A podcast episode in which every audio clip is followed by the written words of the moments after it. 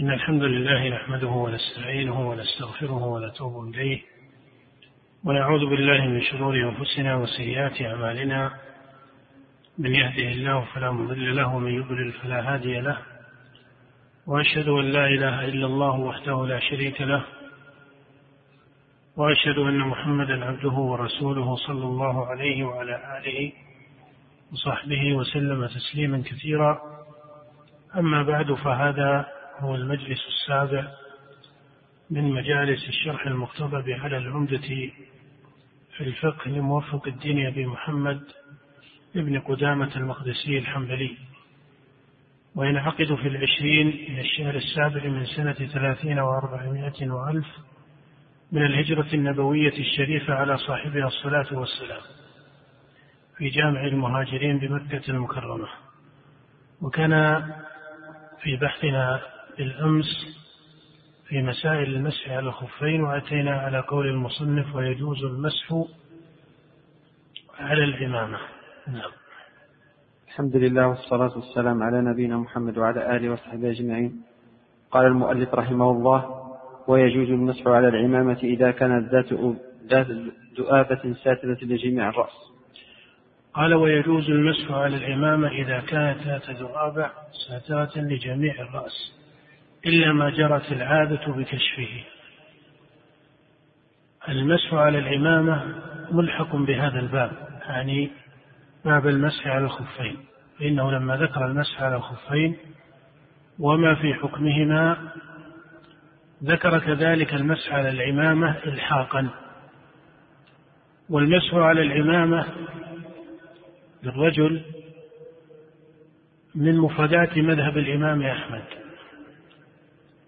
فإنه يكتفي في مذهب الإمام أحمد بالمسح على العمامة عن مسح رأسه في حاله المعتادة. المسح على العمامة في الحال المعتادة مكتفيا به عن مسح الرأس. هذا من مفردات مذهب الإمام أحمد عن الأئمة الثلاثة. وذهب الإمام مالك إلى المسح على العمامة إذا خشي الضرر بنزعها ولم يجعل ذلك حكما مضطردا وإنما جعله حكما عارضا وإنما جعله حكما عارضا. ومن المالكية من يقول أيضا إذا كان يشق عليه نزعها. ففي مثل هذه الأحوال العارضة سوغ المالكية المسح على العمامة في مثل هذه الأحوال العارضة سوغ المالكية المسح على العمامة وأما عند الحنابلة فإن المسح عليها في الحال المعتادة ويكون ذلك مجزيا عن مسح رأسه. ولا يلزم في ذلك أن يكون ثمة ضرر عليه. بل حتى لو لم يكن كذلك جعلوا حكمها على حكم المسح على الخفين في الجملة.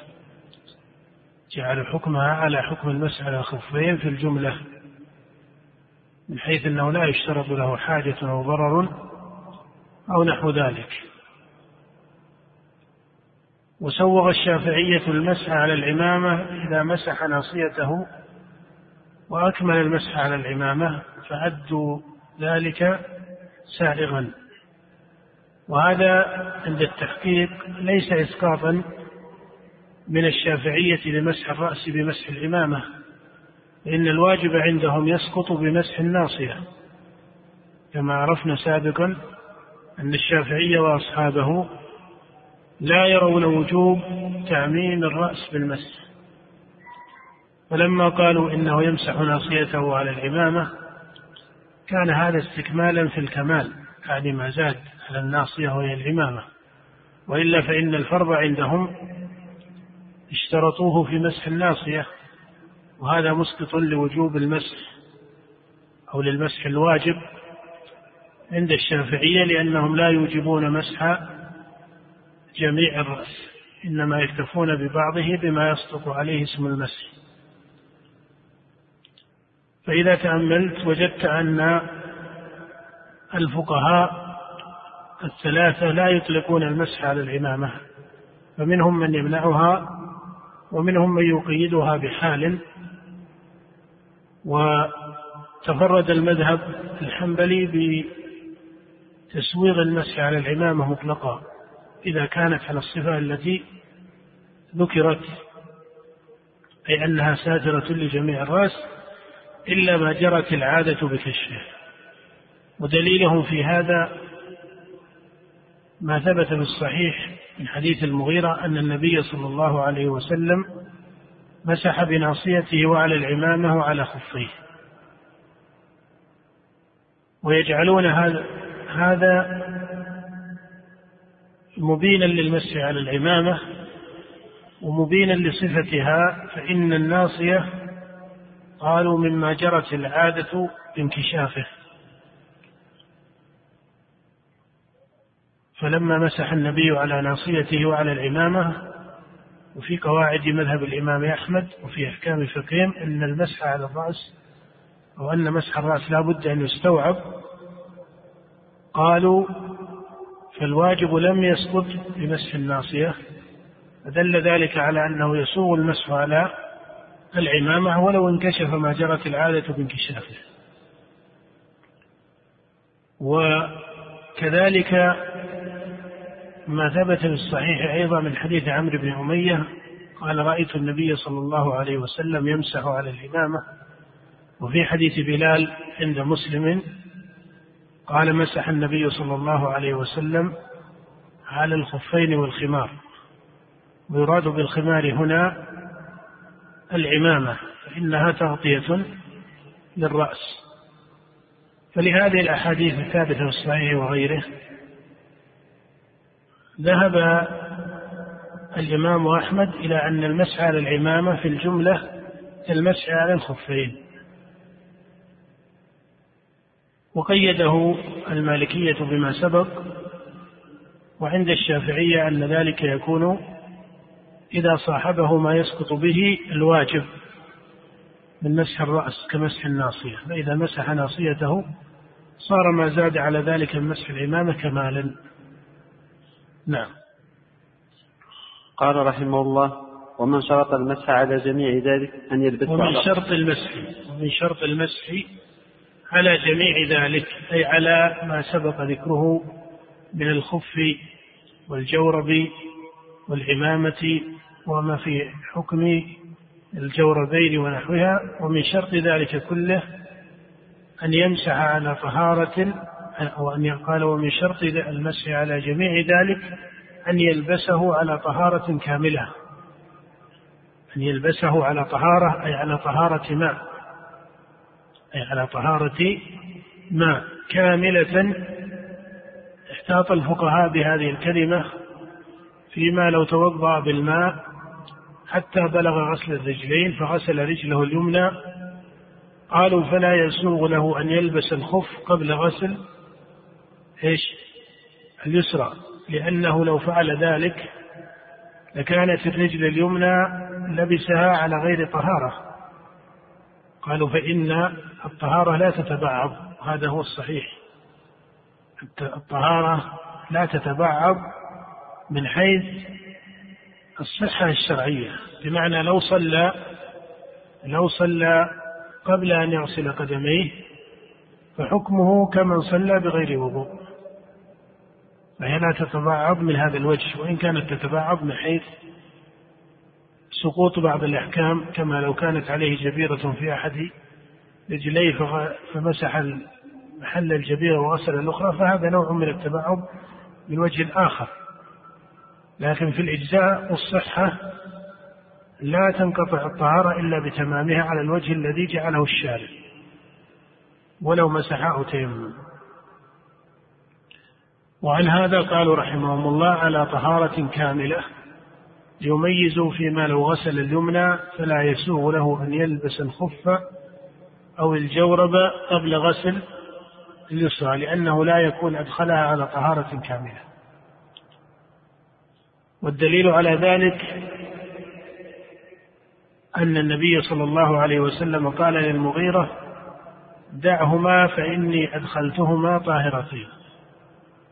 لما هم بخلع خف النبي صلى الله عليه وسلم وأراد ذلك قال له النبي عليه الصلاة والسلام دعهما فإني أدخلتهما طاهرتين ومسح عليهما. فلما مسح على الخف وقال عليه الصلاة والسلام كما في الصحيحين وغيرهما إني أدخلتهما طاهرتين دل على أن الطهارة لا بد منها. هذا من حيث الدليل المختص في المعنى ومن حيث القواعد والقياس فإنه لا أو لا بد من هذا القيد الذي ذكره المصنف. لا بد أن يكون الخف لبس على طهارة كاملة. ومن رخص من الفقهاء بأنه لو غسل اليمنى صح له أن يلبس قبل غسل اليسرى قال لأن اليمنى أصابتها الطهارة فهذا بعيد لأنها في الحكم الشرعي ليست طهارة كافية. والطهارة كما قلنا من حيث فعل العبادة بها لا تتبعض. بل لا بد من تمامها إما بغسل سائر الأعضاء بالماء ومسح ما يمسح أو بالتيمم في حال العجز عن استعمال الماء. نعم. قال رحمه الله قوله على طهارة كاملة هذا باتفاق الأئمة الأربعة. هذا باتفاق الأئمة الأربعة لا بد من كون ذلك على طهارة أي لا بد أن يلبس جميع ما ذكر على طهارة كاملة. هذا باتفاق الأئمة الأربعة. قال ويجوز قال رحمه الله ويجوز المسح على الجبيرة إذا لم يتعد بشدها موضع الحاجة إلا أن يحلها. ويجوز المسح على الجبيرة إذا لم يتعد بشدها موضع الحاجة إلى أن يحلها الجبيرة وهي ما يوضع على العضو أو بعضه للحاجة إليه لمرض أو جرح أو نحو ذلك.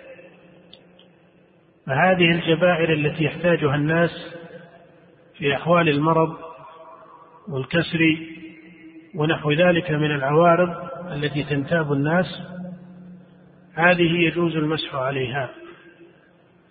ويختلف حكمها عن المسح على الخفين من وجوه. ومن ذلك أنها غير مؤقتة بزمان. فإن المسح على الخفين مؤقت على الصحيح وهو قول جمهور العلماء. بما جاء في حديث علي بن أبي طالب الذي سبق ذكره في الصحيح يوما وليلة للمقيم وثلاثة أيام ولياليهن للمسافر أما الجبيرة وهي ما يوضع على العضو الذي يجب غسله أو يمسح وهو الرأس إذا وضعت الجبيرة على محل الفرض لحاجة الإنسان إليها فإنه يمسح عليها ولو طال أمدها ما دام محتاجا إلى ذلك. ما دام محتاجا إلى ذلك. ولكن لا بد ألا يتعدى موضع شد الجبيرة الحاجة. أن يكون ذلك على قدر حاجته. والناس هنا يقع من بعضهم إما إفراط وإما تفريط في مسألة الجبائر. فبعضهم ربما أراد الاحتياط لوضوئه ولطهارته فأصاب الضرر في نفسه. فربما ترك الجبيرة حرصا على تمام الوضوء وربما قصرها عن حاجته عن محل حاجته وربما انتابه شيء من الوسواس في ذلك أو ما هو من الاحتياط أو ما هو من الورع الذي تحركه نفسه إليه ولا يكون ورعا أو, أو, أو حكما شرعيا صحيحا.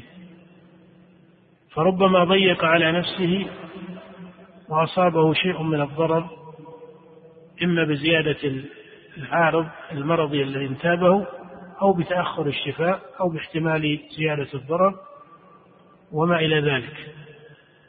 هذا يقع أحيانا من بعض الناس أنه يريد الاحتياط فربما ضيق على نفسه في موضع الجبيرة فلم يضعها كما يحتاج.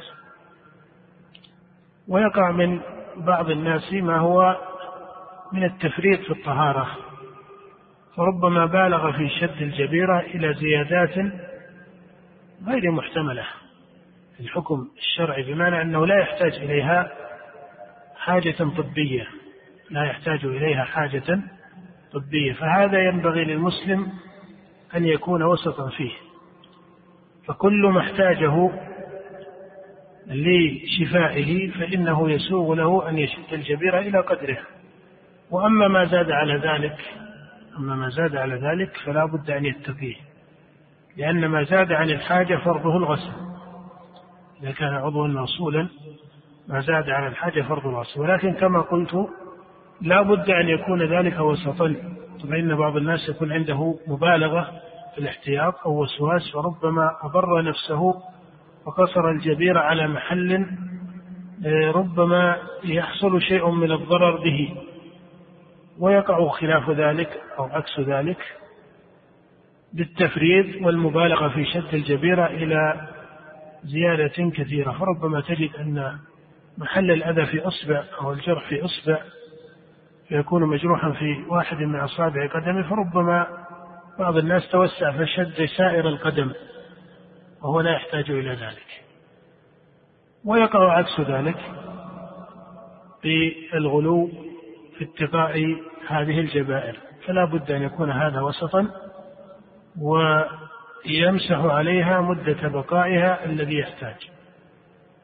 ومن الفرق أيضا أن الجبيرة يمسح عليها في الطهارة الصغرى والطهارة الكبرى. بخلاف المسح على الخفين فإنه مختص بالطهارة الصغرى.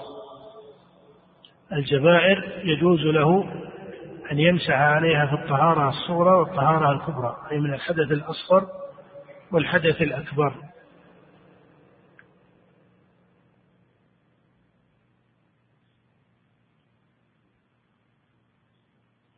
نعم. قال رحمه الله والرجل والمرأة في ذلك سواء. ويجوز المسح على الجبير هذا باتفاق الأئمة أن المسح على الجبائر اتفاق الأئمة الأربعة يرون المسح على الجبيرة. وبعض العلماء يقولون إن هذا يكون تيمما يكون ما العضو الذي عليه جبيرة يكون فرضه التيمم ولكن ما عليه عامة أو جماهير أهل العلم ومنهم الأئمة الأربعة هو الصحيح. نعم. قال رحمه الله والرجل والمرأة في ذلك سواء إلا أن المرأة لا تمسح على العمام قال والمرأة أو الرجل والمرأة في ذلك سواء أي في الخفين والجوارب والجبيرة حكم المرأة حكم الرجل. فيجوز للمرأة أن تمسح على الخفين وعلى الجوارب وعلى الجبيرة وحكمها في هذا كحكم الرجل تماما. وهذا هو الأصل. والفقهاء رحمهم الله لا ينبهون على أن الحكم للمرأة كالحكم للرجل. عادتهم أنهم لا ينبهون على ذلك لأن الأصل في أحكام الشارع أنها سواء. ما لم يقع الاستثناء أو التخصيص. ما ما لم يقع الاستثناء أو التخصيص.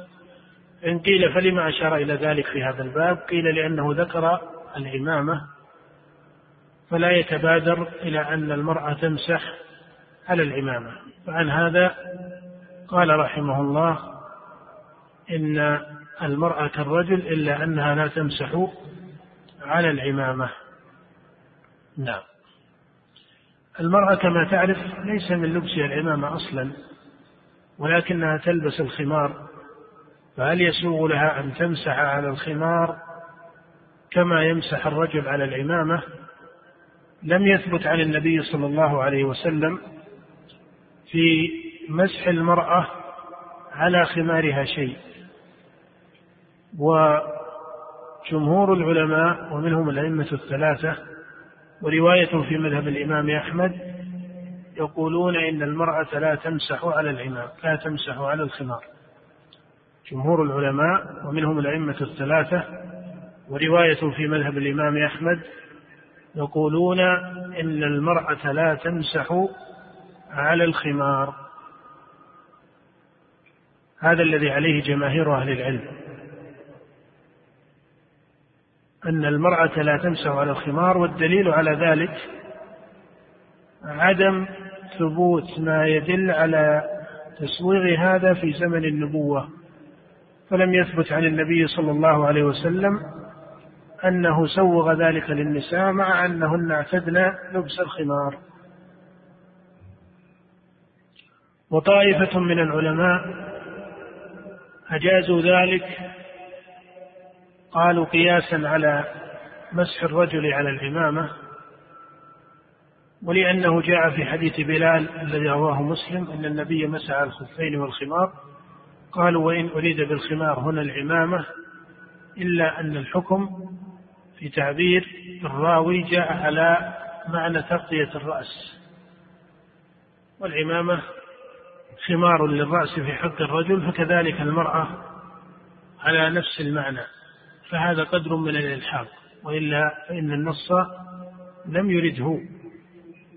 إنما كان المراد أن النبي مسح على الخفين والخمار أي على العمامة. وإلا فيعلم أن الخمار وإن كان في معنى العمامة من حيث أنه يستر به الرأس للمرأة لكن هل هذا الباب يرد فيه القياس أو أنه من باب الرخص التي لا يرد فيها القياس هذا محل نظر. وعن هذا ذهب جماهير العلماء إلى عدم المسح على الخمار للمرأة وهذا القول هو الأظهر. ودليل ذلك أن هذا أي لبس الخمار كان معتادا زمن النبوة ولم يحفظ في المسح على الخمار للمرأة شيء. وإن كان نقل عن أم سلمة رضي الله عنها روي عنها من فعلها فهذا وحده لا يكون كافيا إذا ثبت. وكما سبق الإشارة إلى أن الفروض الشرعية الواجبة بنصوص بينة لا ينقل حكمها إلى حكم آخر إلا ببيان ظاهر من الشارع. فلما كانت المرأة يجب عليها أن تمسح الرأس فلا تنتقل إلى المسح على الخمار بوجه من القياس. أي أن الحكم الثابت بصريح من النصوص وهذا كما تعلم ثابت بصريح القرآن لا ينتقل عنه إلى بدل أو إلى رخصة إلا أن تكون بينة بدليل الشارع. وأما أن يكون ذلك بوجه من القياس فهذا مثل في مثل هذا النوع من المسائل لا يكفي. وهذا من فقه طالب العلم أنه لا يعد القياس في كل الموارد. أنه لا يعد القياس في كل الموارد. القياس وإن كان دليلا مصححا ومقبولا ويستعمل في كثير من الموارد إلا أن ثمة بعض الموارد لا يكون القياس وحده كافيا لنقل الحكم عن أصل بين بنص إلى قياس محتمل ومتردد فيه. لأن هذا الباب باب المسح الخفين جاء على مورد الرخص من الشارع. ومورد الرخص من الشارع هي وجه من الاستثناء. وما كان وجها من الاستثناء فإنه يقيد بقدر تقدير الشارع المحفوظ عنه. نعم. قال رحمه الله القول الثاني في المسألة أن المرأة تمسح على الخمار وهذا رواية في مذهب الإمام أحمد وذهب طائفة من أصحابه إلى أنها هي المذهب عنده. ومن أهل العلم من قال بأن المرأة تمسح على الخمار إذا احتاجت إلى ذلك. وهذا هو القول الثاني ويميل إليه الإمام ابن تيمية رحمه الله. الإمام ابن تيمية رحمه الله يميل إلى القول الثالث أن المرأة تمسح على الخمار إذا احتاجت إلى ذلك. وهو قول في مذهب الإمام أحمد. والقول الثاني وهو المشهور من مذهب أحمد عند طائفة من أصحابه أنها تمسح على الخمار والقول الأول وهو الذي عليه جمهور العلماء. هو ما سبق بيانه أن المرأة لا تمسح على الخمار مطلقا وهو الأظهر. نعم. قال رحمه الله باب نواقض الوضوء. قال رحمه الله باب نواقض الوضوء. أي المعنى الذي إذا عرض أو الحدث الذي إذا عرض فإن الوضوء أي الطهارة تكون باطلة. ولا بد من استئنافها. فإن العبد إذا أوقع الطهارة على الصفة الشرعية فإنها تكون باقية. ما لم يعرض له واحدا مما سماه الفقهاء ناقضا للوضوء.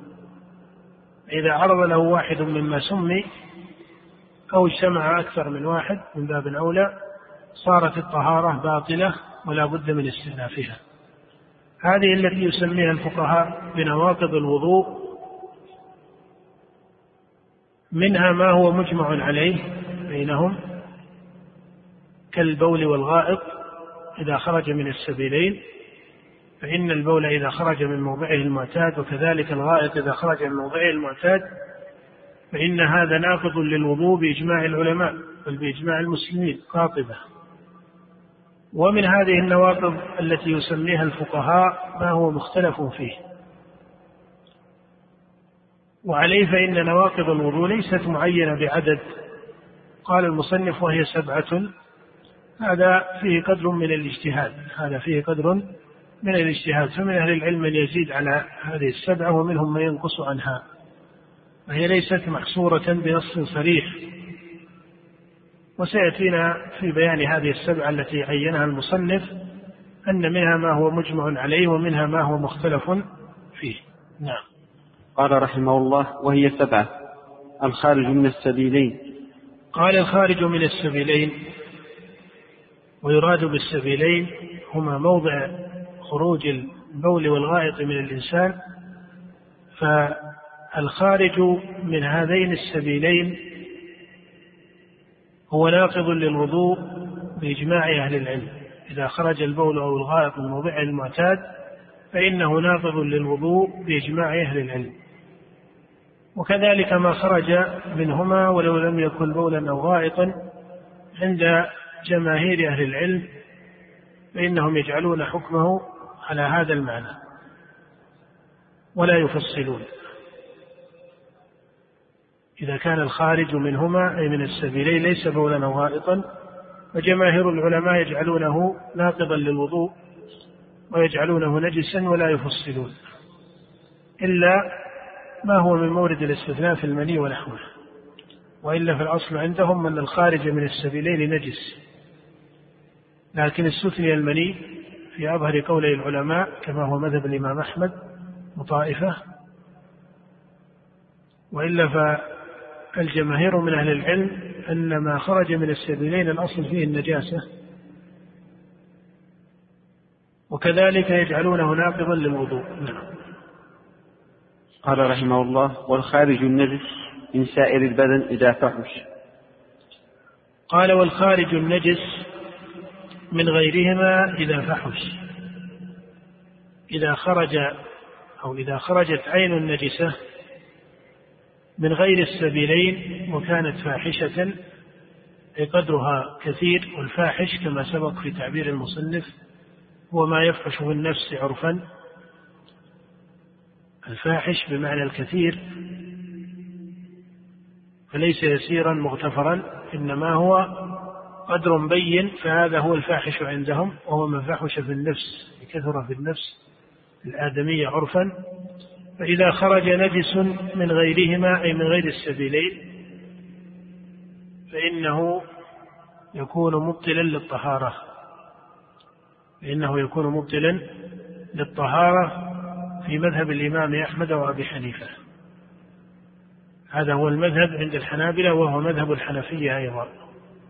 أنه إذا خرجت النجاسة من غير السبيلين وهي فاحشة فإن الطهارة تكون باطلة. وإن كان الفقهاء رحمهم الله يختلفون في الأعيان التي يجعلونها نجسة أو ليست نجسة وهي من غير السبيلين. كالقيء مثلا هل هو نجس أو ليس بنجس؟ هذا مورد خلاف. ولكن ما كان نجسا وفاحشا فإنه ناقض للوضوء في مذهب أبي حنيفة وأحمد. وعند مالك والشافعي أنه لا ينقض الوضوء أن خروج العين النجسة من غير السبيلين لا يكون ناقضا للوضوء وإنما يوجب إزالة النجاسة. فلا يلازم المالكية والشافعية بين خروج النجاسة وبين إيش؟ بطلان الطهارة. فإذا خرجت النجاسة من غير السبيلين فعند مالك والشافعي يجب إزالة النجاسة وأما الطهارة فإنها لا تكون باطلة. فعلى قول من يقول إن القيع نجس فإذا قاء فعلى تخريج مذهب مالك والشافعي تبطل طهارته أو لا؟ لا تبطل الطهارة على هذا المذهب. يقولون العين النجسة إذا خرجت من غير السبيلين تجب إزالتها والطهارة إذا كانت قائمة لا تكون باطلة بها. فلا يلازمون بين خروج النجاسة من غير السبيلين وبين بطلان الطهارة. وهذا القول أقيس في الحكم. القول الأول يستدلون بما روي من حديث ثوبان أن النبي صلى الله عليه وسلم قاء فتوضأ. ولكن حديث ثوبان فيه اضطراب. ويروى بغير وجه ثم هو فعل من النبي صلى الله عليه وسلم لا يدل على أن هذا مبطل للطهارة فإن الشارع ندب إلى تجديد الوضوء في كثير من الأحوال ولا سيما الأحوال التي يعرض معها شيء من النقص أو الأذى الذي لا يوجب إزالة أو لا يوجب بطلان الطهارة فعلى هذا يحمل حديث ثوبان عند ثبوته على مثل هذا المعنى. وخروج النجاسة في أصل الحكم حكمه الشرعي هو وجوب الإزالة. أما بطلان الطهارة فقد علقه الشارع بأسباب مختصة كما سبق الإشارة إليه في أول مجلس لأن هذا ليس قياسيا ما تبطل به الطهارة ويوجب الطهارة هي أحكام أو أسباب معلقة بخطاب الشارع. وعليه فإن خروج النجاسة من غير السبيلين ليس موجبا لبطلان الطهارة وإن كان موجبا لإزالتها فهذا حكم آخر. نعم.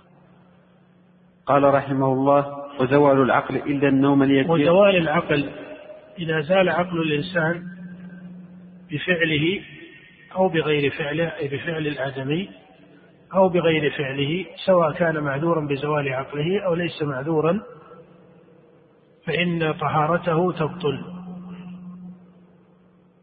فإن طهارته تبطل. وهذا متفق عليه بين الأئمة لأنه إذا زال عقله لا يدري من تابه من الحدث الذي هو مظنة الوقوع. نعم.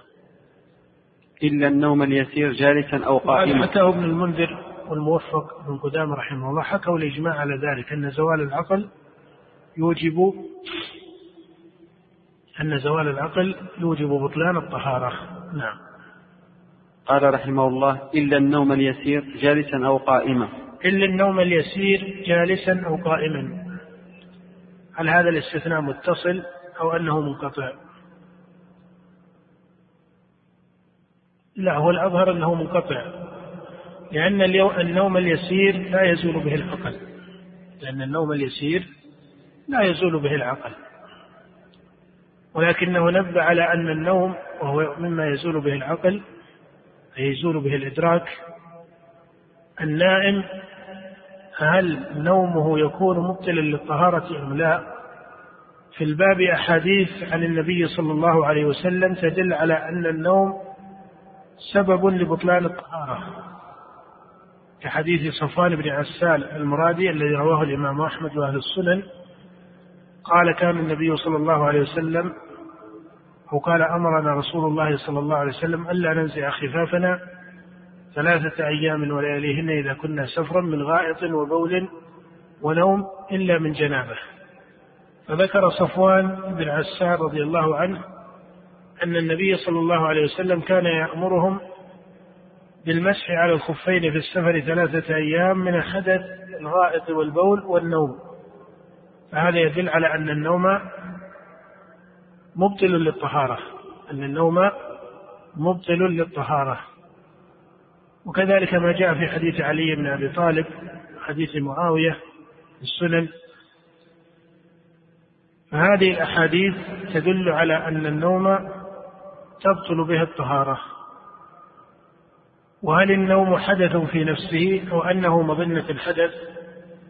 هذا محل خلاف بين الفقهاء وأكثر الفقهاء الذين تكلموا على هذه المسألة من المتأخرين يقولون إن النوم مظنة الحدث.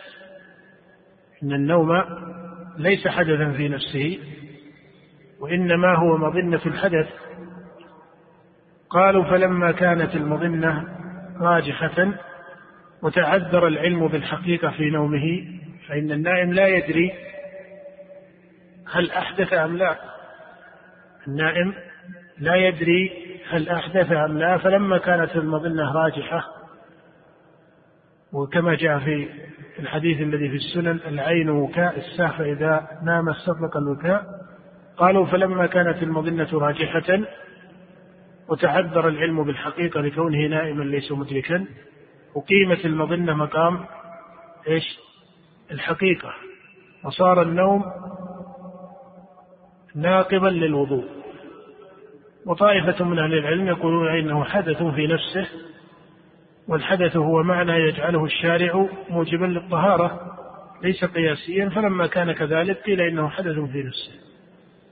لكن الأكثر من الفقهاء الذين يقولون هو مظنة الحدث مما يقوون به قولهم أن النبي صلى الله عليه وآله وسلم كان كغيره في الحدث فكان إذا بال عليه الصلاة والسلام توضأ وفي النوم لم يكن عليه الصلاة والسلام إذا قام من النوم ربما توضأ وربما لم يتوضأ.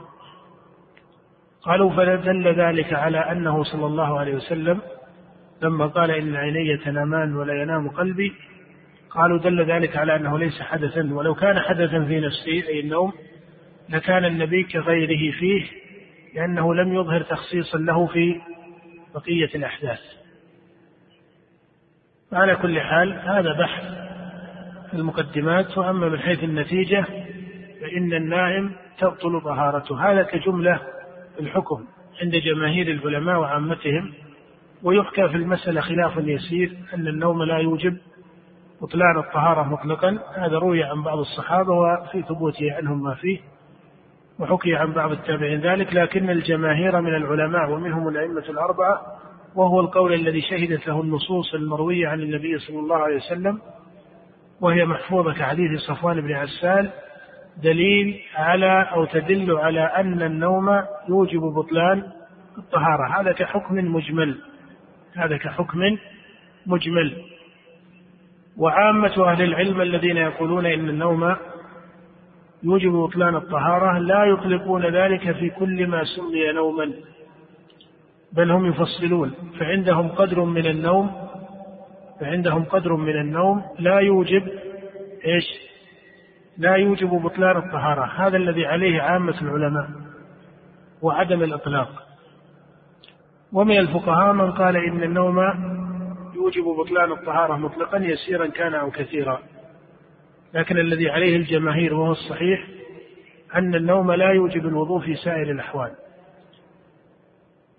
فإن الناس ربما سموا بعض الحال نوما ولا تكون أو ولا يكون هذا النوم في مثل هذه الحال موجبا لبطلان الطهارة لما ثبت أن الصحابة رضي الله عنهم كما في حديث أنس كانوا ينتظرون الصلاة وكانت تخفق رؤوسهم من غلبة النعاس ثم تقام الصلاة فيصلون مع النبي صلى الله عليه وسلم ولا يتوضؤون. فهذا النوم اليسير وهذا النعاس ولو غلب لا يوجب الطهارة. لا يوجب عفوا لا يوجب بطلان الطهارة.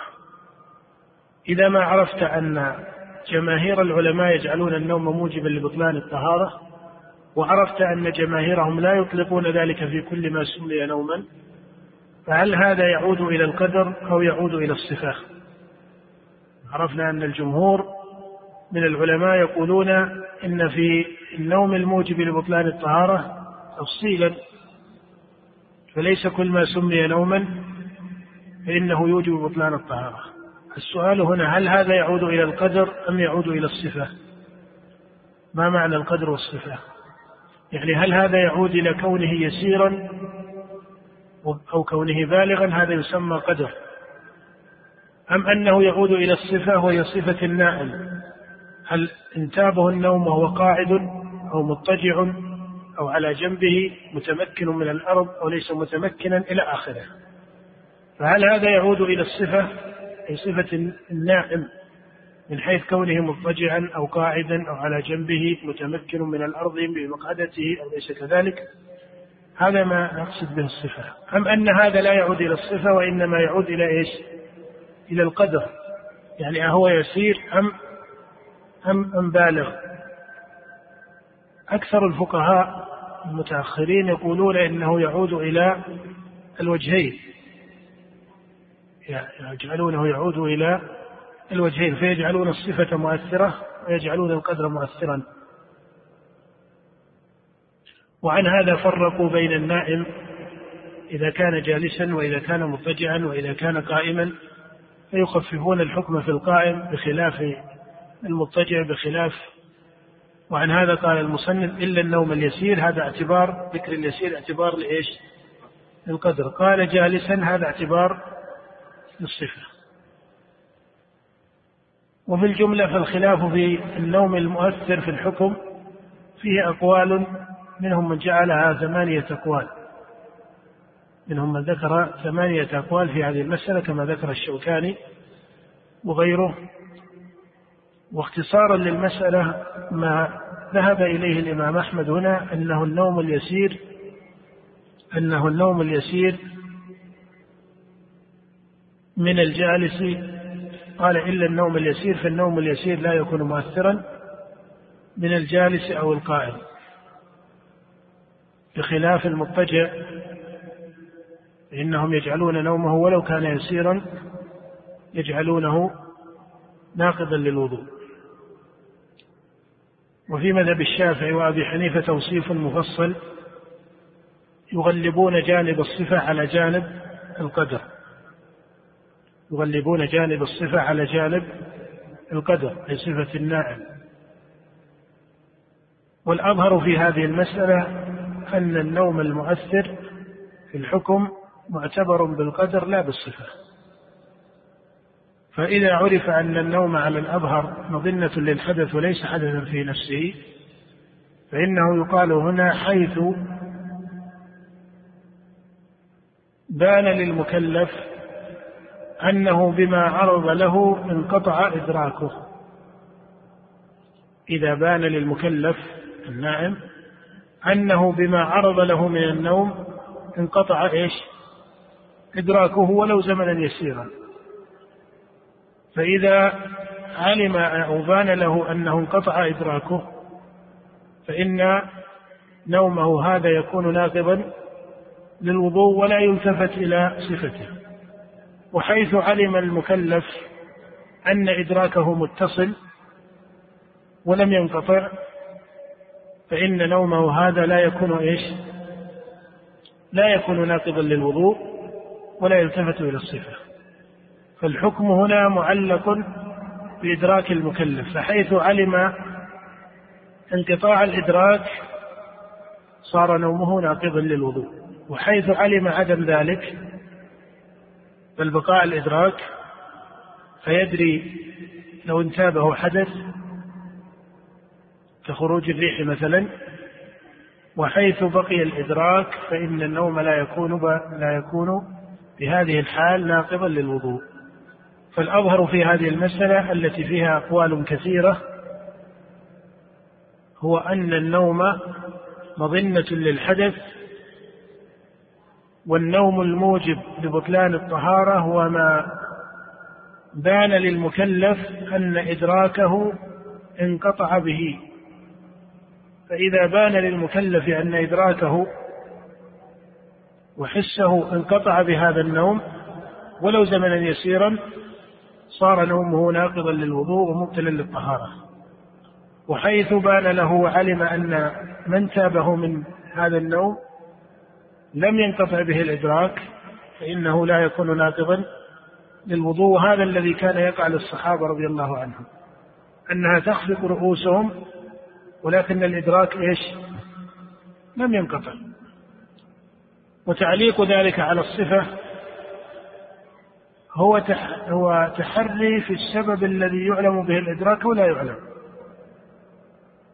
والأظهر هنا أن يوكل ذلك إلى علم المكلف وليس إلى الصفة وهذا قول لطائفة من أصحاب الإمام أحمد وقول مشهور في مذهب الإمام مالك وهو أظهر الأقوال في مسألة النوم الناقض للوضوء أنه ما يحصل به انقطاع الإدراك.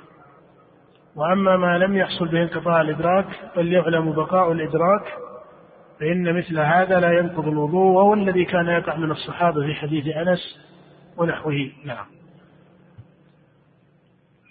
قال رحمه الله ولمس الذكر بيده.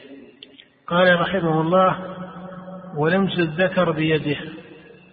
من مس ذكره؟ هل يكون مسه له؟ ناقضا للوضوء أم لا؟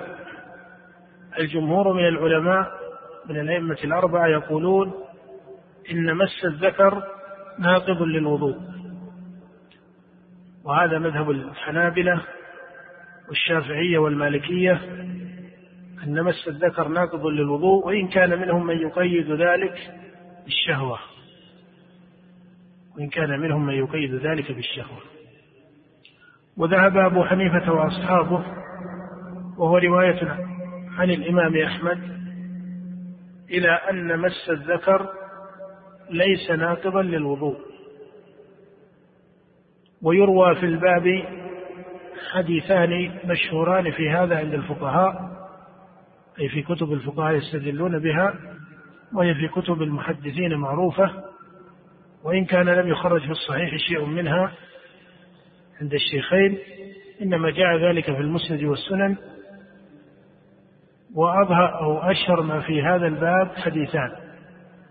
حديث بسرى بنت صفوان أن النبي صلى الله عليه وسلم قال من مس ذكره فليتوضأ. وحديث طلق بن علي أن النبي صلى الله عليه وسلم سأله رجل عن الرجل يمس ذكره في الصلاة عليه الوضوء فقال إنما هو بضعة منك. فترى أن هذا الحديث فيه أمر بالوضوء على حديث بسرة بنت صفوان وحديث طلق بن علي فيه إسقاط ذلك. من حيث الصحة في الأثرين أو في الحديثين كل حديث من هذين صححه قوم من المحدثين وتكلم فيه آخرون. وإن كان عند تتبع كلام المتقدمين من العلماء كالإمام البخاري وأحمد وأمثال هؤلاء فإنهم يجودون حديث بسرى على حديث أو يقدمون حديث بسرى على حديث طلق بن علي. حديث بسرى أقوى وإن كان لم يسلم من الإعلان. فمن أهل العلم من يرى أن الحديث على هذا المورد وعلى هذا المورد معلول ومنهم من يحسن ذلك. أو يجوده بصفة من الألقاب الاصطلاحية كالصحيح أو الحسن أو نحو ذلك فيجعلونه صالحا للاحتجاج.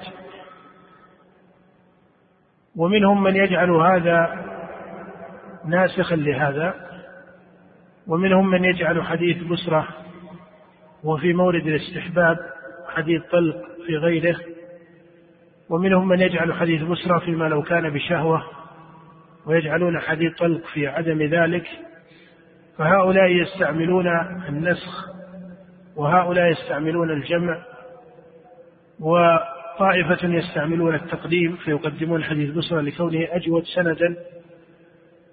فهذه أوجه مستعملة عند الفقهاء وحفاظ الحديث. أو عند التحري والتدقيق مستعملة في المدارس الفقهية الأربع بحسب ما عليه أصحابهم من العناية بالفقه وما عندهم من أصحابهم من حفاظ الحديث. فإنك تعلم أنه في كل مذهب من هذه المذاهب يوجد حفاظ في الحديث. فيتكلمون في هذه الأحاديث بمثل هذه الطرق. والخلاف في هذه المسألة كما أشرت خلاف قوي والقول فيها على هذه الأقوال الثلاثة. القول فيها على هذه الأقوال الثلاثة وأشهر ما في الباب هو حديث بصرى بن صفوان أن النبي صلى الله عليه وسلم قال من مس ذكره فليتوضأ وقابله حديث طلق بن علي إنما هو بضعة منك نعم. قال رحمه الله وأن تمس بشرته بشرة أنثى لشهوة صدق أن تمس ولا ولمس امرأة بشهوة؟ نعم. النسخة اللي بين يديه ولمس امرأة بشهوة على كل حال مس المرأة بشهوة هل هو ناقض للوضوء أم لا؟ عرفنا في نواقض الوضوء أن الحدث في أصله تقدير من الشارع ولا يستعمل فيه إيش؟ قياس. فطائفة من أهل العلم قالوا إن مس المرأة بشهوة يكون ناقضا للوضوء وهذا هو مذهب الإمام أحمد ومذهب الإمام مالك. فعند مالك وأحمد أن مس المرأة إذا مس الرجل المرأة بشهوة أي مسها باشر بشره بشرها. إذا مس الرجل المرأة بشهوة فإن الطهارة تكون باطلة ويكون هذا عندهم من نواقض الوضوء. وعند الشافعي رحمه الله في المشهور من مذهبه أن مس المرأة ناقض للوضوء مطلقا سواء كان بشهوة أو لم يكن. والقول الثالث في المسألة وهو مذهب الحنفية أن مس المرأة لا ينقض الوضوء مطلقا. فإذا في المسألة ثلاثة أقوال. أن مس المرأة ناقض للوضوء مطلقا. إذا مس الرجل المرأة فوضوءه ينتقض. مطلقا أي بشهوة أو بغير شهوة وهذا هو المشهور في مذهب الشافعية. وإن كان في مذهب الشافعية كلام آخر لكن هذا هو المشهور. والقول الثاني أن مس المرأة لا ينقض مطلقا بشهوة أو بغير شهوة إلا وهذا هو مذهب الحنفية إلا أن الأحناف استثنى كثير من فقهائهم قالوا فيما لو تجرد الرجل وزوجه عاريين فتماس الجسد والتصقا حتى صار محل الجنابة بينهما متماسا. ففي مثل هذه الحال يستثنون هذه الصفة في نقض الوضوء. هذا استثناء قدره بعض فقهاء الحنفية لكن من حيث الأصل في المذهب الحنفي أن مس المرأة المعتاد لا ينقض الوضوء سواء وقع بشهوة أو بغير شهوة القول الثالث هو التفصيل وهو المشهور من مذهب الإمام أحمد وإن كان عن أحمد غير رواية. وثمة روايات منصوصة عن أحمد رحمه الله رواها بعض محققي أصحابه كالإمام ابن تيمية رحمه الله أن مس المرأة لا ينقض الوضوء في مذهب الإمام أحمد وإن كان يستحب الوضوء منه وإن كان يستحب الوضوء منه. لكن على المشهور في المذهب أن مس المرأة ناقض للوضوء وهو مذهب المالكية. هذه ثلاثة أقوال. ولا يحسن التعبير في مثل هذه الأقوال بما قد يعتاده بعض طلبة العلم حينما يقول في المسألة طرفان وإيش؟ ووسط. فإن هذا ولو كان مقدرا من حيث الترتيب العقلي لكنه ليس مقدرا من حيث الترتيب الشرعي. فإنه من حيث الترتيب العقلي هما طرفان ووسط لكن هذا ليس هو الترتيب الشرعي. فإذا قيل في المسألة ثلاثة أقوال طرفان ووسط أوهم ذلك أن ما سمي وسطا هو القول الأوجه أو القول الأظهر ولا يكون الأمر كذلك. وعليه فالتوسط الذي امتدح وما جاء في كتاب الله وكذلك جعلناكم أمة وسطا. لتكونوا شهداء على الناس لا يراد به التوسط على معناه العقلي المجرد. وإن كان التوسط بدلالته العقلية هو قدر من اعتبار الشارع. التوسط العقلي قدر أو تقول بعبارة أدق التوسط العقلي صفة معتبرة بالتوسط الشرعي وليست هي إياه التوسط العقلي صفة معتبرة في إيش؟ في التوسط الشرعي. فإن الاعتدال حتى في البصر العقلي هذا مقصود. ولهذا الله جل وعلا يأمر باعتبار أولي الأبصار. ووصف الكفار الذين ضلوا عن الحق بأنها عميت قلوبهم فإنها لا تعمى الأبصار ولكن تعمى القلوب التي في الصدور. على كل حال التوسط العقلي ليس مطابقا للتوسط الشرعي وإن كان التوسط العقلي صفة مقدرة للتوسط الشرعي. عليه فهذا القول هو وسط من جهة التراتيب العقلية لكن من حيث الحكم الشرعي من حيث الحكم الشرعي هذا يعود إلى البحث الأدلة. وإذا ما عرفت المقدمة الأولى أن تعيين ما يبطل الطهارة هو تقدير من الشارع وليس مما يستعمل فيه قياس فلا يصح قياس مس المرأة على مس الذكر لو كان مس الذكر إيش؟ ناقضا للوضوء وإلا فالخلاف فيه قوي كما سبق. ولا يقال أيضا إنه مقيس أو على معنى النوم لأن النوم مظنة الحدث فجعله الشارع حدثا أو في حكم الحدث فبطلت الطهارة به فلا يقال إن مس المرأة مظنة للحدث لأنه مظنة لخروج المذي مثلا.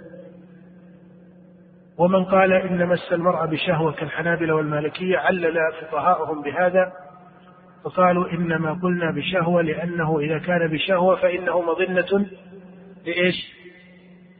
للحدث وهو خروج المذي. فتقام المظنة مقام الحقيقة كما قيل في النوم. هذه الأوجه فيما يظهر ليست كافية. للقول بأن الطهارة المعلومة الصحة الثابتة بيقين تزول بمثل هذا.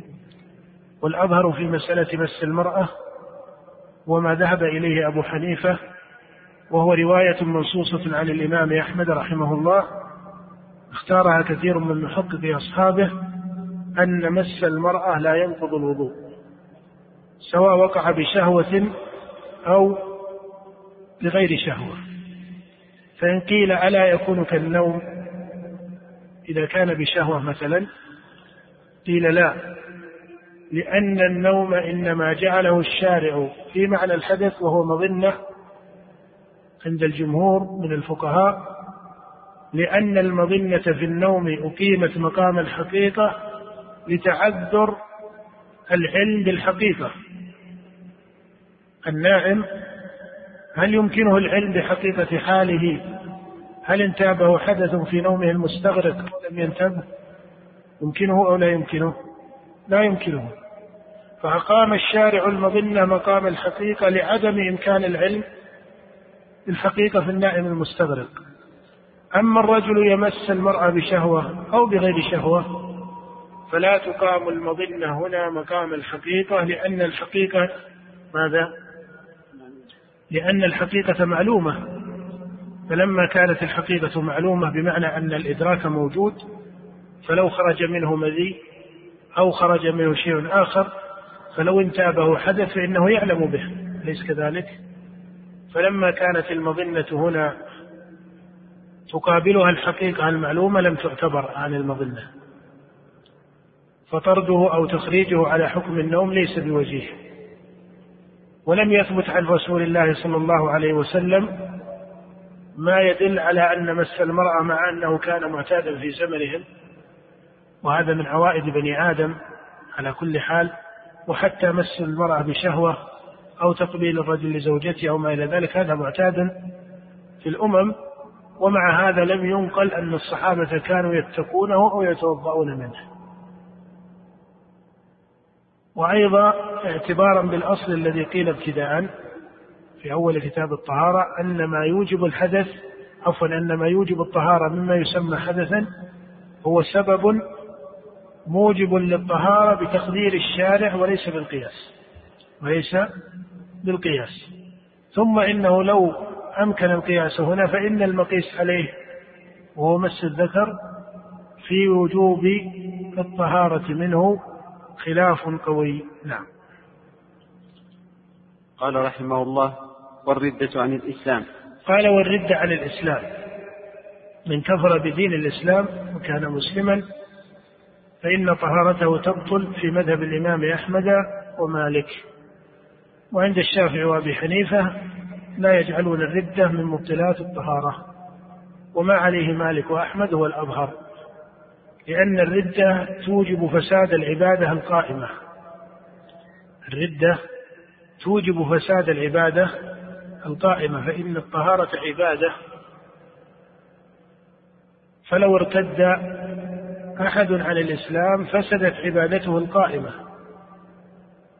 فلا بد أن يستأنفها.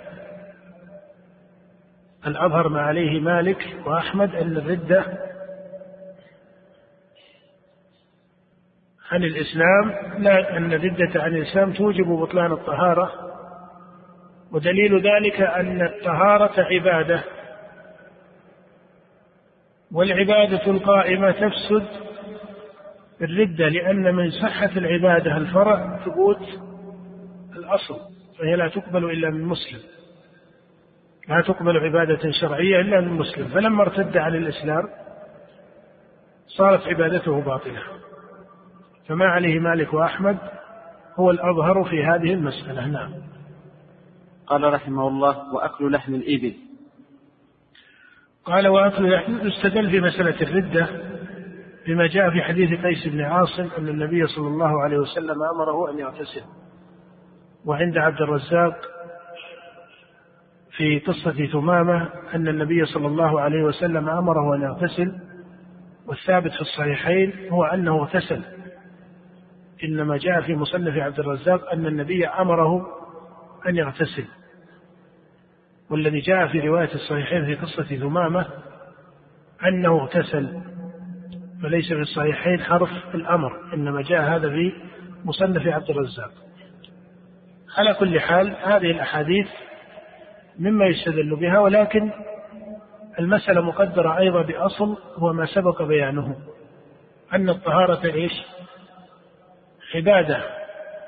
أن الطهارة عبادة هي تبع لأصل. فإذا بطل هذا الأصل لم تصح هذه العبادة فتستأنف. إضافة إلى هذه الآثار في قصة ثمامة وقيس بن عاصم فإنها مما يصلح الاستدلال بها نعم. قال رحمه الله وأكل لحم الإبل. قال وأكل لحم الإبل. الأصل أن اللحم المأكول من بهيمة الأنعام لا يجب الوضوء منه وإن كان في أول الأمر كما روى جابر رضي الله تعالى عنه قال كان آخر الأمرين من رسول الله ترك الوضوء مما مست النار. فكان في أول الأمر يشرع الوضوء مما مست النار ثم نسخ. كان في أول الأمر زمن النبوة يشرع الوضوء مما مست النار. ثم نسخ هذا كما روى جابر رضي الله تعالى عنه. كان آخر الأمرين من رسول الله صلى الله عليه وسلم ترك الوضوء مما مست النار.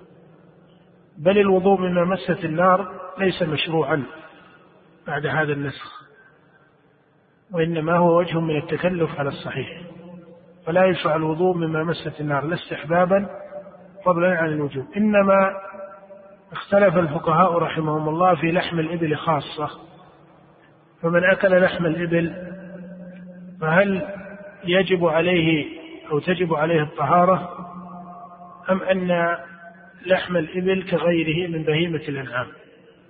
الذي عليه أكثر الفقهاء هو أن لحم الإبل لا ينقض الوضوء. ودليلهم في هذا أنه على معنى أكل لحم الإبل أنه على معنى أكل لحم البقر والغنم.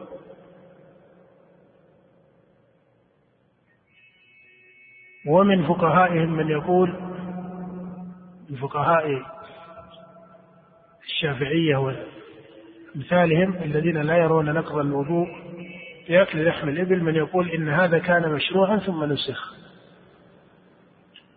وذهب الإمام أحمد وهذا من مفردات المذهب. وإذا قيل إن هذا من المفردات فالمقصود أن الإمام أحمد تفرد به ليس عن عامة العلماء إنما المصطلح هذا يقصد به إذا قيل عن مسألة إنها من المفردات. لا يراد أن الإمام أحمد تفرد عن كل العلماء أو عن عامة العلماء لا. إنما يراد أنه تفرد عن المذاهب الثلاثة. فهي من مفردات المذهب عن أبي حنيفة ومالك والشافعي.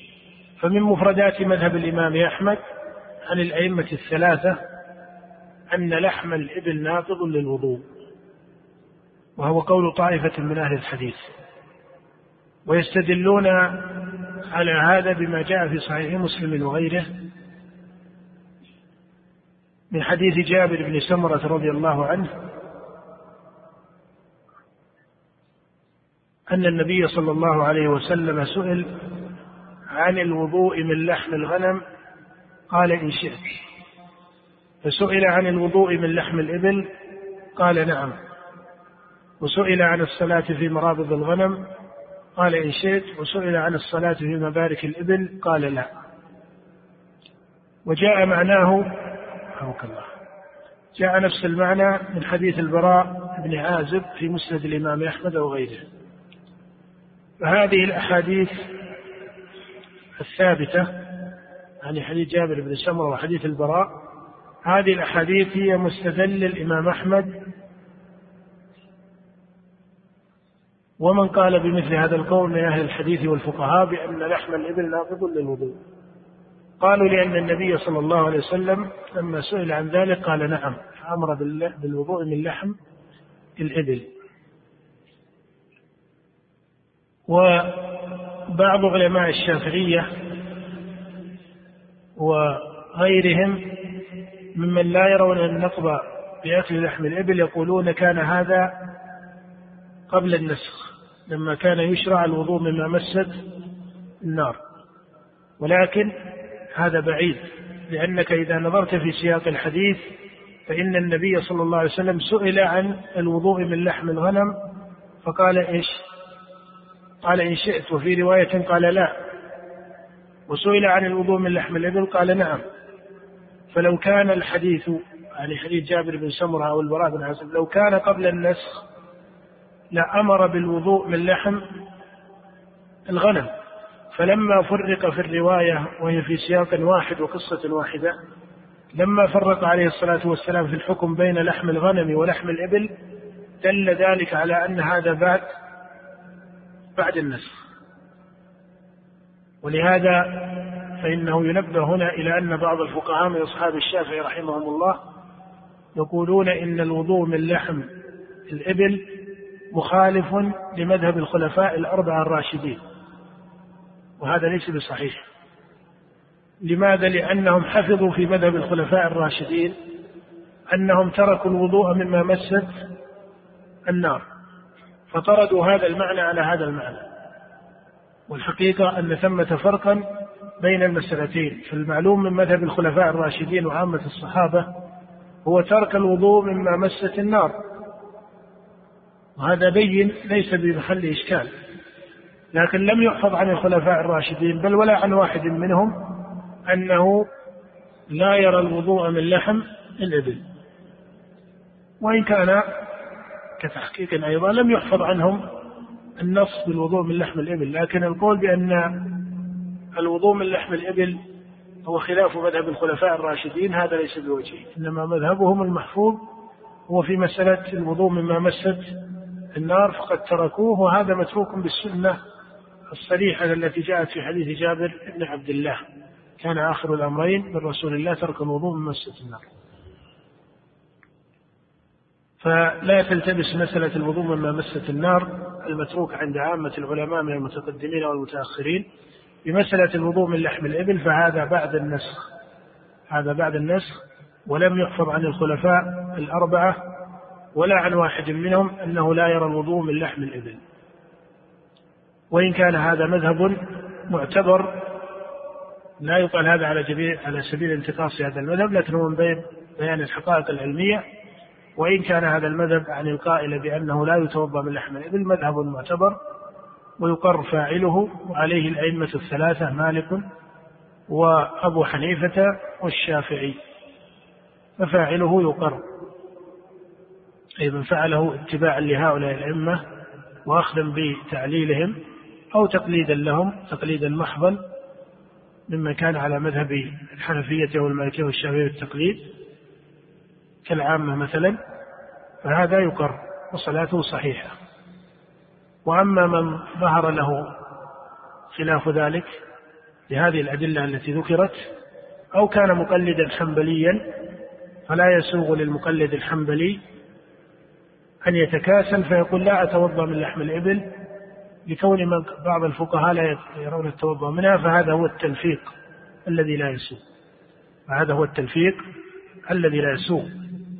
وعليه فلو أن مصليا لو أن شافعيا صلى وقد أكل هو وصاحبه لحم الإبل وكان أحدهما يرجح مذهب الشافعي والآخر يرجح مذهب الإمام أحمد فالصلاة إيش؟ صلاة هذا صحيح وصلاة هذا صحيحة لأن كل واحد اتقى الله ما استطاع فهذا هو قدر الاتباع عنده هذا ظهر له ما رجحه الإمام الشافعي وهذا ظهر له ما رجحه الإمام أحمد وصلاة هؤلاء وهؤلاء تكون صحيحة بالإجماع إلى أن من قلد إماما معتبرا بما لم يظهر مخالفا للكتاب والسنة فإن فعله يكون مسقطا لحكم الشارع في التكليف. نعم.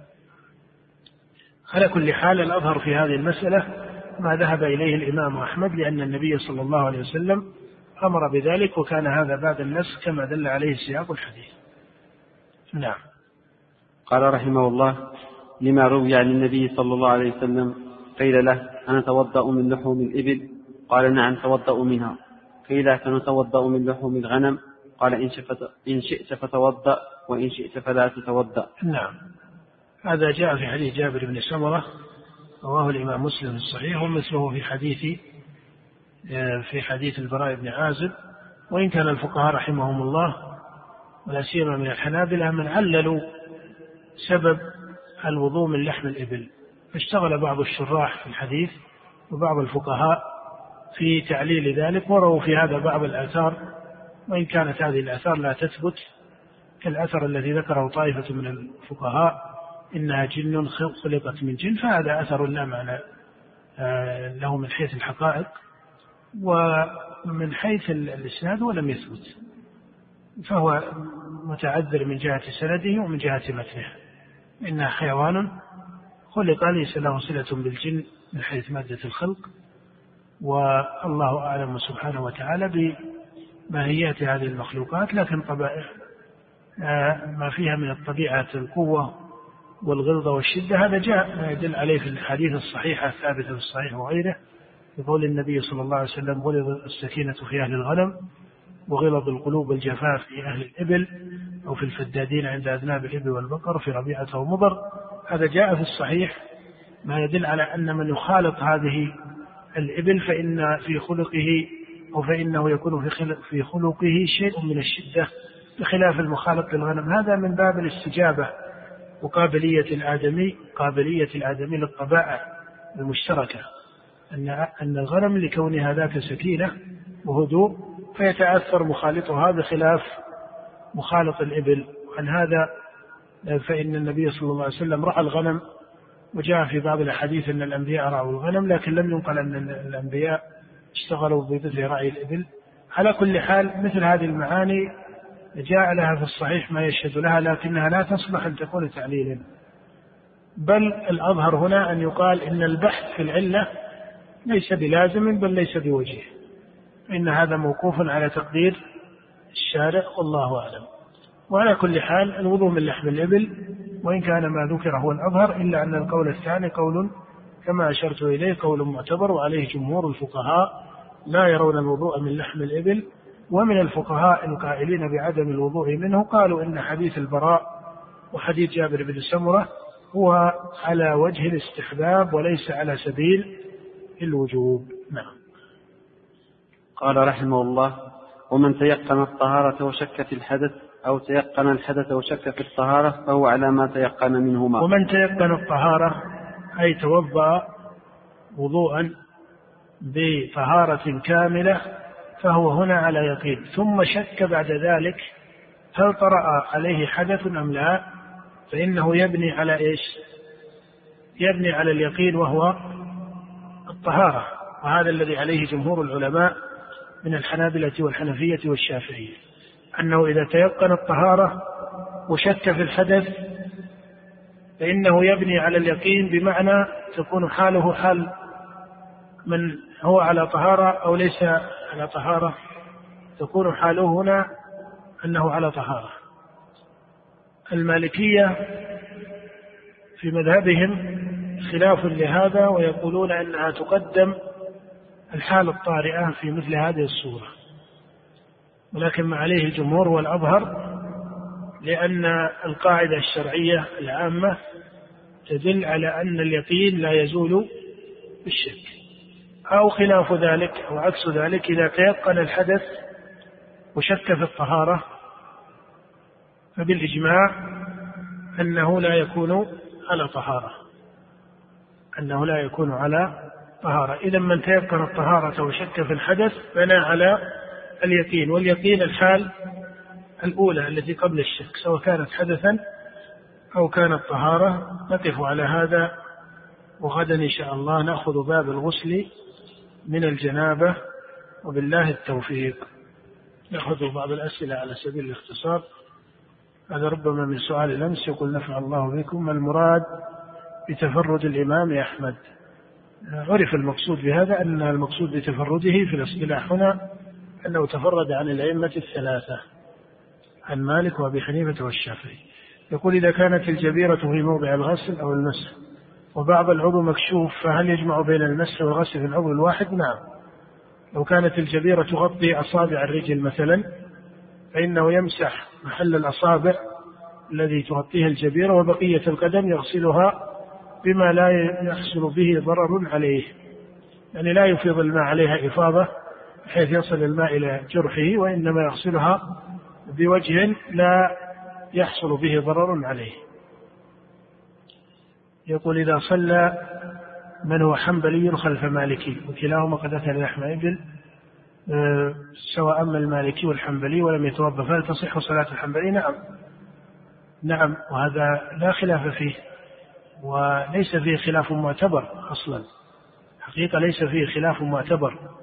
كل مجتهد من العلماء أو من هو من أتباعهم فإنه يصلي خلف الآخر والمسلم يصلي خلف المسلم ولا يلتفت إلى هذه الخلافات في مثل هذا. لو صلى الحنبلي خلف المالكي والمالكي لا يتوضأ من لحم الإبل وقد اتى له فهل صلاة الحنبلي معه صحيحة؟ لا شك أنها صحيحة. صحيحة بالإجماع ومن يعني بعض الفقهاء أحيانا يشيرون في بعض ليس في هذه المسألة لكن في بعض الصور لهم بعض الإشارات ليست من الخلاف المعتبر. الأصل في هذه المادة أن المسلم يصلي خلف المسلم وهذه الخلافات في مثل هذا المورد ليست مؤثرة ليست مؤثرة أبدا. والأصل صحة صلاة المسلم خلف المسلم مطلقا هذا هو الأصل أن المسلمين يصلي بعضهم خلف بعض. وكما قال عثمان رضي الله تعالى عنه الصلاة من أحسن ما يصنع الناس. فإذا أصابوا فإذا صلوا فصل بصلاتهم فإن أحسنوا فأحسن معهم وإن أساءوا فاجتنب إساءتهم الصلاة الأصل فيها السعة في هذا نعم.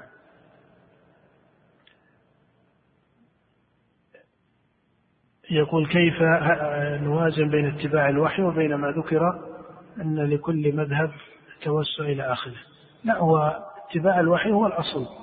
وأنت إذا قلت كيف نوازن بين هذا وهذا فرضت معنى جدليا بين الاتباع للكتاب والسنة وبين الأخذ باجتهاد العلماء. الحقيقة أن ليس بينهما فرضا جدليا بمعنى أنهما وجهان متوافقان.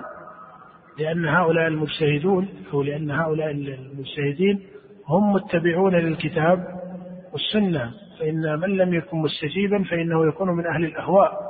والله يقول فإن لم يستجيبوا لك فاعلم أن ما يتبعون أهواءهم. ولا يصح لقائل أن يقول إن هؤلاء فيهم شيء من فهم مستجيبون. فلما كانوا مستجيبين صار اجتهادهم مما يتوصل به إلى معرفة مراد الله ورسوله. بس هذا هو المقصود بالمسألة. أن اجتهاد الأئمة من الصحابة ومن بعدهم هو مما يتوصل به إلى فهم خطاب الشارع وإلى اتباع الكتاب والسنة. لا نقول إن هناك اتباع الكتاب والسنة واتباع للفقهاء أيهما نقدم؟ لا. لو كانت الأمر لو كان الأمر هكذا لكان قطعا أن يقال يقدم الكتاب والسنة. لكن يلزم على هذا أن هؤلاء إذا قلت بيننا الكتاب والسنة وقول هؤلاء فإذا جعلته مغايرا هذا مشكل حتى من جهة اتباعهم. هم مجتهدون ومنهم المصيب ومنهم المخطئ ولكن يتوصلوا بمجموع اجتهادهم إلى فهم خطاب الشارع فإن قيل إنهم يختلفون قيل قد اختلف الصحابة قبلهم والواجب على المسلم أن يتحرى ما هو أقرب إلى مراد الله ورسوله عليه الصلاة والسلام وبالله التوفيق. صلى الله وسلم على نبينا محمد. نؤجل باب الأسئلة إلى غد إن شاء الله إن أمكن اعتبارا لوقت الدرس اللاحق